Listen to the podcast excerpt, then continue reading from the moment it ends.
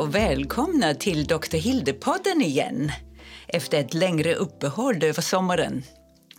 Ja, vad har hänt? Egentligen laddade ju Dr. Hilde upp för eh, eh, ett föredrag på Östersjön tillsammans med M-magasin. Men det blev inget av det hela därför båten blev tillfälligt ett hem för ukrainska flyktingar i Holland. Ja, läget i världen är ju ett allvarligt fenomen, både krig och miljö. Och ett kryssning med ett företag, ja, det kan man ju göra på landet, tänkte jag. Och då gjorde jag det tillsammans med min kompis Lotta Mörne, ägaren till galleri på Karlavägen 70 och en stor inspiratör. Och det var fantastiskt roligt. Vi gjorde det den 3 oktober och temat var kvinnokraft och hormoner och eh, innehöll berättelser om kvinnans hormonresa från flickan till mormor vilka hormonella problem som kan uppstå i olika åldrar. Och det handlade också mycket om klimakteriet naturligtvis och hormonella behandlingar. I pausen bjöd Lotta på uppfriskande energidryck och tilltugg. Alltså allt man kan göra för att må bra, tror jag. Innehållet eh, var dock också allvarligt med tanke på eh, vad vi kan göra efter menopausen. Vi kvinnor blir ju äldre och vi blir årsrika. Och då försökte jag verkligen eh, förmedla något positivt om att det finns så mycket vi kan göra för att må bra även efter menopausen. Och naturligtvis är hormoner en stor del, men inte allt. Ja, det var det. Och hösten, eh, ja nu är det ju snart vinter, men det närmar sig eh, den 18 oktober och då tänkte jag nu måste jag återigen göra en podd. Jag kan inte låta bli. Det blev alltså nu, helt spontant, en podd. Och då har jag mitt alter ego igen med mig. Johan Löfqvist, min make, som är så otroligt mångsidig och kan mycket om olika medicinska områden. Och om vi nu tänka på World Menopause Day den 18 oktober i år. Ja, vad är det för tema? Det är faktiskt kognition och hjärndimma. Framför allt för kvinnor i menopausen naturligtvis. Det hänger ju ihop med menopaus. Och det är ju ett väldigt viktigt tema för oss alla. Eh, och Johan kommer ju att prata mycket om just demens, Alzheimer, hjärndimma, allt detta, vad som det är för någonting. Men jag vill bara redan i förväg säga om vi nu får hjärndimma och problem med minnet kring menopausen så betyder det ju inte att vi får en Alzheimer. Därför det är väldigt sällsynt för kvinnor i en sån ålder. Det är väl ungefär 230 per 100 000 kvinnor som kan få en Alzheimer när de är i den åldern. Och så det är det ju väldigt få. Det blir ju en ålderssjukdom. Men eh, det är i alla fall symptom som liknar Alzheimer och därför ska vi verkligen vara uppmärksamma och försöka göra något åt detta. Alltså, välkommen Johan Löfqvist. Mm, tack. Eh, det här är väldigt roligt att du hänger med här. Tack för att jag får vara med. ja, jag har ju naturligtvis viktiga frågor. Eh, vilka erfarenheter har du egentligen om demens? Ja, jag har arbetat eh, som överläkare på geriatrisk klinik i flera år och haft eh, ansvara, ansvar för äldreboende och demensboende. Ja, och då är det ju naturligtvis, då har du sett kvinnorna och män när de redan är i en riktig dimma förstås. Ja, eh, när de kommer in på demensboende så har de verkligen eh, dåligt minne och är inte orienterade till tid, rum eller person. Ja. Men Johan, hur börjar demens egentligen? Ja, eh, det börjar ju med att man glömmer mer än vanligt och att man upprepar sig och att man blir mer och mer desorienterad och frågar man ut folk så upptäcker man ganska snart att det är något som inte stämmer. Men tyvärr så lär sig dementa att svara på ett sätt som de brukar göra så att de döljer det här demensen väldigt länge. Så att demens kan börja väldigt tidigt men bara för att man inte kommer ihåg ett ord eller kommer på ett begrepp så betyder det ju inte att det är början på demens faktiskt. Ja, men där känner jag igen mig. Ja. Alltså, om man är stressad eller så kommer man ju inte ihåg vissa saker. Och alltså, Visst har vi alla kanske någon gång den här tanken oj, är det början till demens? Ja, ja visst. Och i synnerhet när man kommer upp i åldern så är det ju allt oftare som man glömmer ord och inte kommer på vissa begrepp och måste göra omskrivningar och så. Men det måste ju inte vara demens som börjar så faktiskt. Ja, men hur utvecklas då eh, den riktiga demensen? Ja, alltså det är ju väldigt olika. Det finns olika typer av demens beroende på orsaken och vilka delar av hjärnan som drabbas. Eh, eh vid så kallad frontallobsdemens så är det ju omdömet som sviktar först och vid just till exempel Alzheimer som är vanlig, eh, en av den vanligaste demenstypen eh, så är det ju minnet som sviktar. Och eh, just vid Alzheimer så är det ju vissa typer av äggviteämnen som bildas i hjärnan och som förstör nervcellerna. Ja, och då tänker jag lite vilka riskfaktorer finns det egentligen för demensen?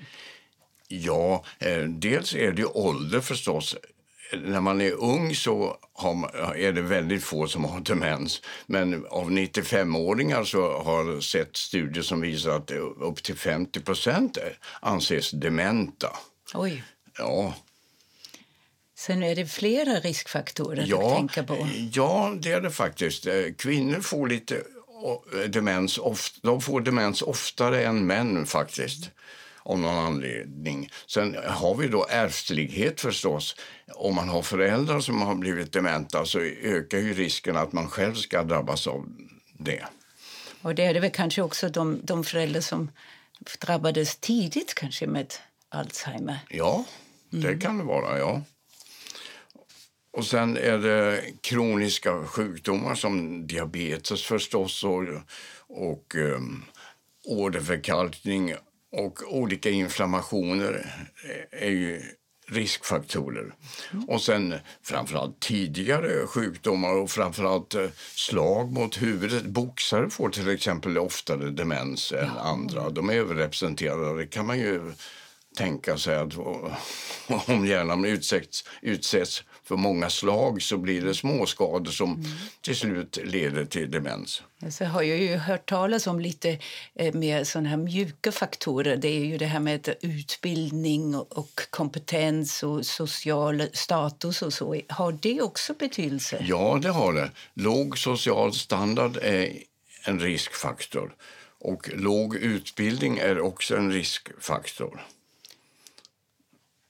och även kanske när man som barn har haft det jobbigt. Alltså man har inte haft några föräldrar som tog hand om en och man kanske inte har tillräckligt med ja, näring, misshandel, allt sånt. Har det också betydelse? Ja, naturligtvis. Det har det faktiskt. Eh, Finns statistik på detta? Eh, ja, det, men ors, hur mekanismen är, det, det, vet jag inte. Men eh, det finns ett samband, det gör det verkligen. Barn som har utsatts för, för dålig uppfostran och misshandel och inte fått den mat de behöver och så vidare. De, drabbas oftare av demens. Ja. Men då har vi ju ett underbart ord som jag verkligen älskar. Det är nämligen resiliens. Ja, eh, förmå... Det är motståndskraften. Motståndskraft, ja. Mm.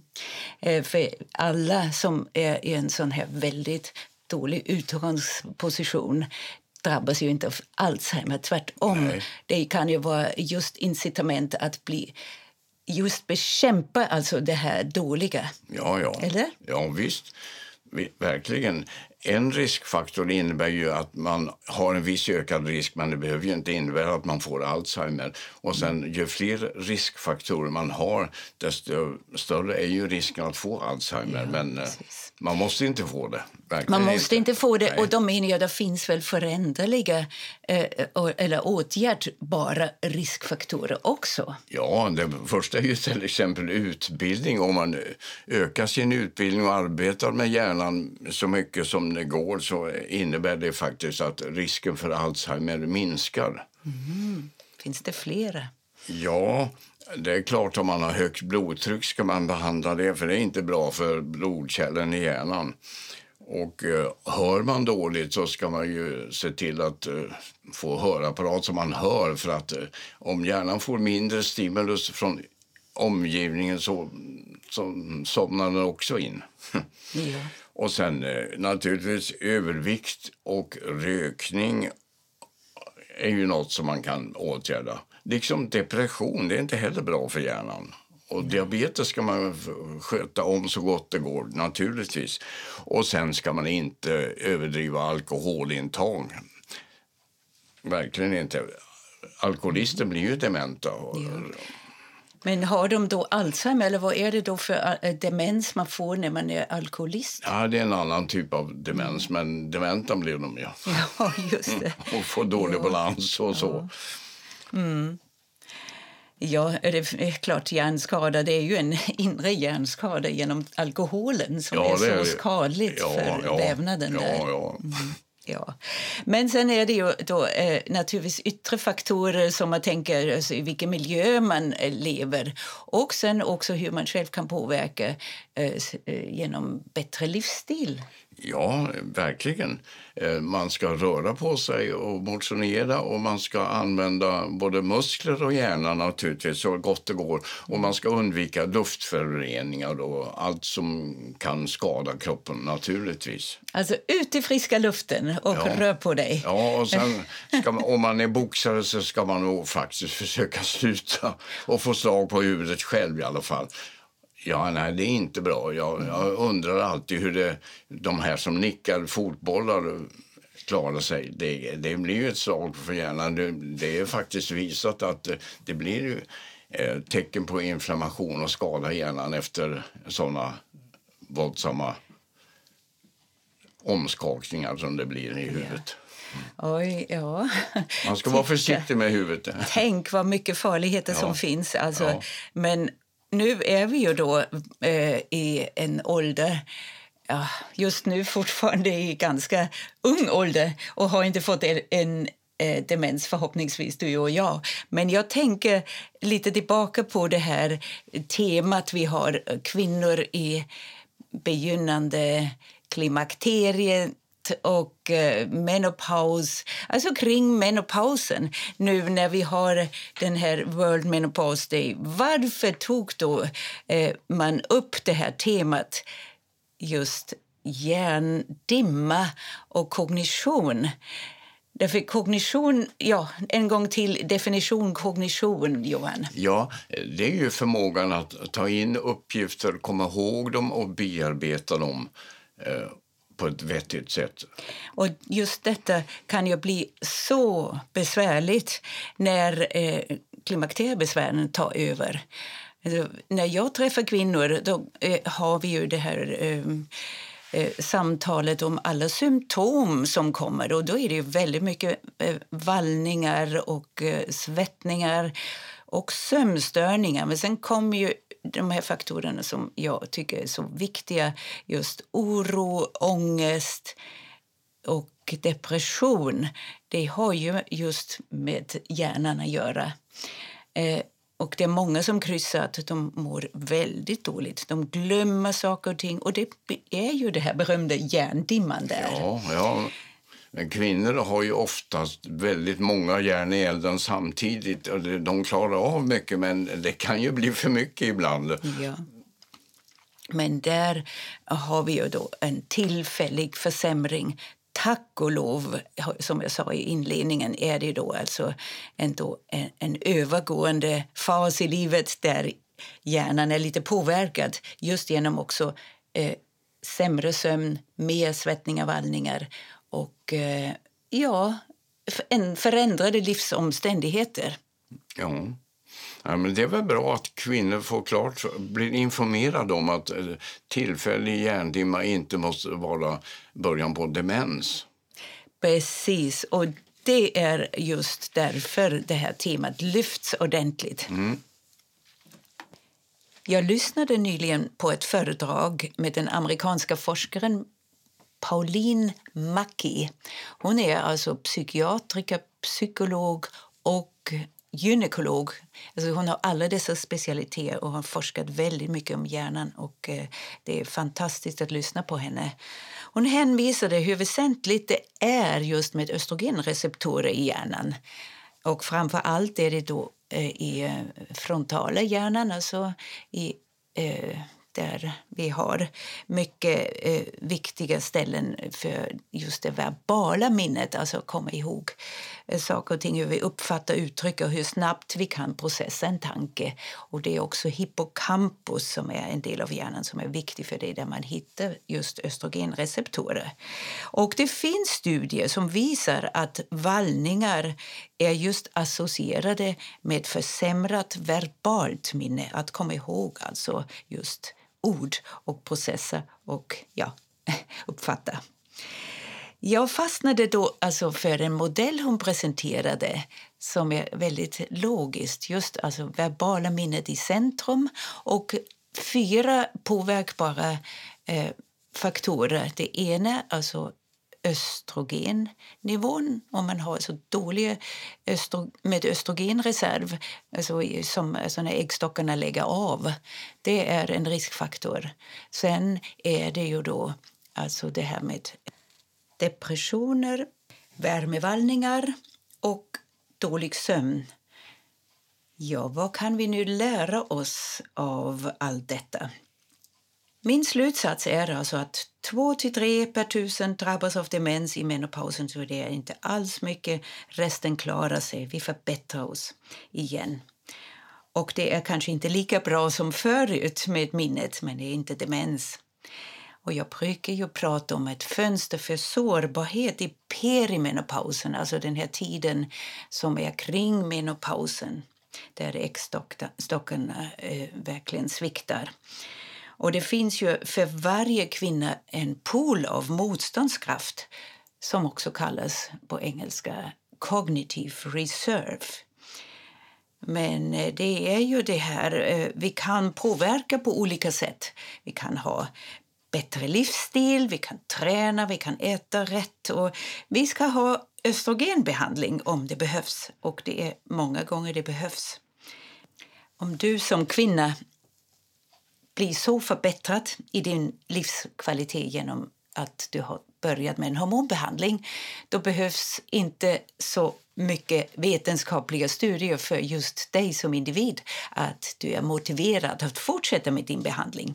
Men eh, i det vetenskapliga sammanhang eh, har vi ett litet problem, nämligen att det fortfarande saknas studier eh, på just kognition hos kvinnor i samband med just värmevandlingar och det finns inte heller studier för kognition i perimenopausen. Det är nämligen så att i alla eh, dessa studier var ju då just värmevandlingar ett uteslutande kriterium. Alltså vad betyder det? Det är ju alltså kvinnorna fick ju inte ha värmevandlingar eh, om de skulle ingå i studien. Men oavsett alla eh, vetenskapliga bevis kan du som kvinna som har problem med minnet, med sömnen och med vallningar få en adekvat hormonbehandling. Och du får se, det hjälper. Det är väldigt, väldigt många kvinnor som blir hjälpta av en eh, skonsam hormonbehandling. Ja, nu skulle jag vilja avrunda med eh, att säga att vi har ju behandlat demens men vi har också pratat om klimakteriet och att det är ju inte alls någon fara att utveckla en demens i klimakteriet och menopausen för de flesta kvinnor. Men glöm inte detta att ändra livsstilen till något som förbättrar dig. Alltså åtgärdbara riskfaktorer måste verkligen elimineras. Det har Johan pratat om. Och nu tackar vi tillsammans er som har lyssnat på oss och vi hoppas vi kan återkomma lite senare fram. Tack så mycket och hej då!